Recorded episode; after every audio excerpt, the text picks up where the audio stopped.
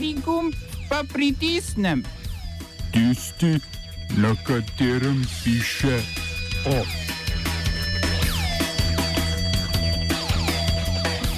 Izraelsko vrhovno sodišče arabski skupni listi dovolila nastop na predčasnih volitvah. Po sobotnem vdoru v poslopje srpske radiotelevizije protestniki včeraj okoli predsedniške palače sklenili živo verigo. Filipini uradno izstopili iz mednarodnega kazanskega sodišča. In obletnica rojstva Srečka Kosovela ter pričetek 8. festivala frankofonskega filma.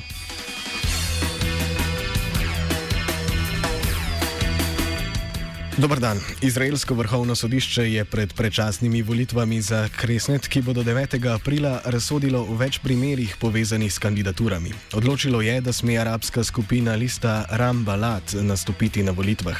S tem je razveljavilo odločitev volilne komisije, sestavljene iz delegatov parlamentarnih strank zdajšnjega sklica, ki je Rambaladu zaradi domnevnih povezav s palestinskimi oboroženimi skupinami in Hezbolahom v času libanonske vojne 2006 kandidaturo prepovedala.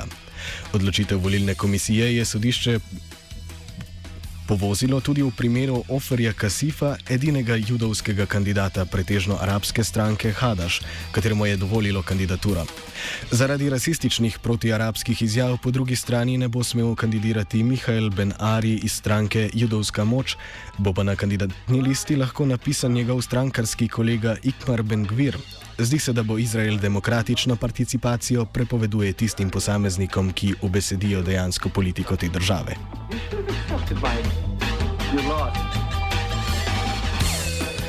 Judovska moč je sicer ena izmed strank, ki so del nacionalističnega združenja, ki je 21. februarja sklenilo predvolilno koalicijo z vladajočo stranko Likud, premijeja Benjamina Netanjahuja. Glavni Netanjahujev tekmec na prihajajočih volitvah je sicer nekdani vrhovni general oboroženih sil Benny Gantz. Če bo Netanjahu uspelo dobiti nov peti mandat, bo postal izraelski premijer z najdaljšim stažem v zgodovini. Izrael je vodil med leti 1996 in 1999 ter od leta 2009 dalje.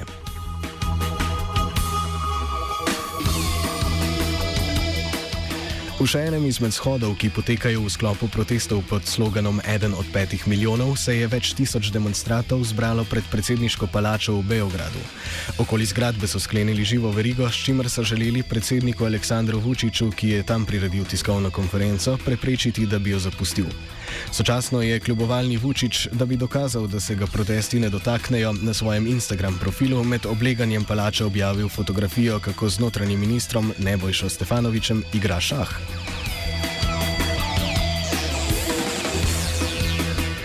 Protestniki so se kasneje premaknili do bližnje policijske postaje, pred katero so zahtevali izpustitev aretiranih protestnikov, ki so v soboto zvečer vdrli v poslopje srpske radiotelevizije. Vodja nacionalistične stranke Dveri Boško Obradovič je skupaj s kolegoma liberalnejših nazorov, nekdanjim beograjskim županom Draganom Džilasom in vodjo stranke Levica Borkom Stefanovičem ter drugimi voditelji tako imenovane Zveze za Srbijo prevzel odgovornost za vdor. Rok za izpustitev priprtih pa se je iztekel rekel pred nekaj minutami. Obradovič je ob enem dejal, da poleg odstopa Vučiča sedaj zahtevajo tudi odhod premijejke Ane Brnabič in razpis poštenih volitev. Vučić je na tiskovni konferenci že včeraj zavrnil zahteve in Obradoviča označil za fašista, Džilasa pa za tajkuna, ki se želita priti na oblast, da bi, citiramo, lahko kradla.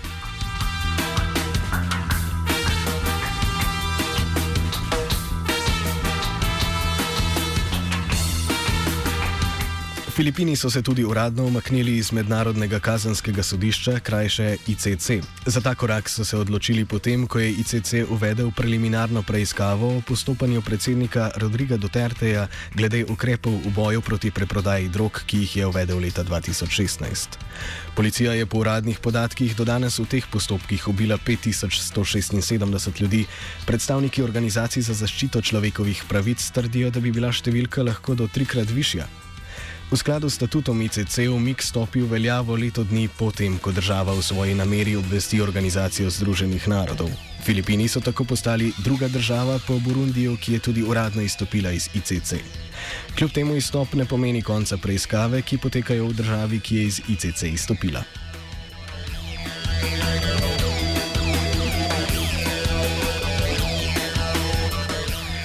Managuji, prestolnici Nikaragve, so prvič po uradni prepovedi zborovanja, ki je v veljavo stopila novembra lani, potekali protesti. Demonstranti so od predsednika Daniela Ortega zahtevali izpustitev političnih zapornikov, ki jih je oblast zaprla na lanskoletnih protestih. Posredovala je policija, ki je priprla 107 ljudi, oblasti pa so obenem prepovedale delo opravljati nekaterim medijem in nevladnim organizacijam.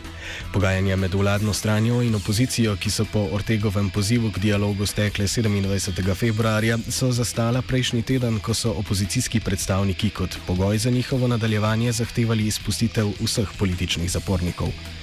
Ortega je po pozivu sicer odobril izpustitev 112 zapornikov, 50 jih je še odšlo v hišni pripor, vendar zavrača pozive po razpisu predčasnih volitev. Oba, če, če bom odgovoril na angliški. Slovenija will try to help. We can Slovenija will and we will do our utmost To say that the situation is, our problem ourselves. and uh, We will make further steps as soon as the conditions are bomo vlado Marjana Cererja Mira- Marjana Cererja Šarca podprli. uh, very, very serious. we know how and we will. Pravijo, da so lipicanci plemenite živali. Tako so se za plemenit cilj povezali vojaki Združenih držav Amerike in slovenska vojska. Po skupnem usposabljanju, poimenovanem Lipicanec, so pripadniki brigadnega logističnega bataljona 173 zračno-desantne brigade ameriške kopenske vojske v Evropi obiskali kobilarno Lipica, kjer so aktivno preživeli kulturni dan. Med opazovanjem lipiške narave so barvali konske ograde in urejali stoletne dre drevorede. Dan so zaključili z ogledom predstave Zgodba o Lipici in se spoznali še petanjem konjev. Zgodovina povezovanj ameriške vojske in lipicancev sega v konec druge svetovne vojne, ko je ameriški general Patton pred Rdečo armado sprožil reševalno akcijo Kon, ki so jih leta 1943 zajeli nacisti in preselili v češki hostinec.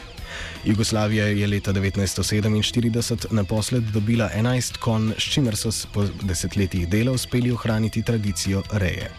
O reševalni akciji je produkcijska hiša Disney leta 1963 posnela film z naslovom Čudež belih žrebcev.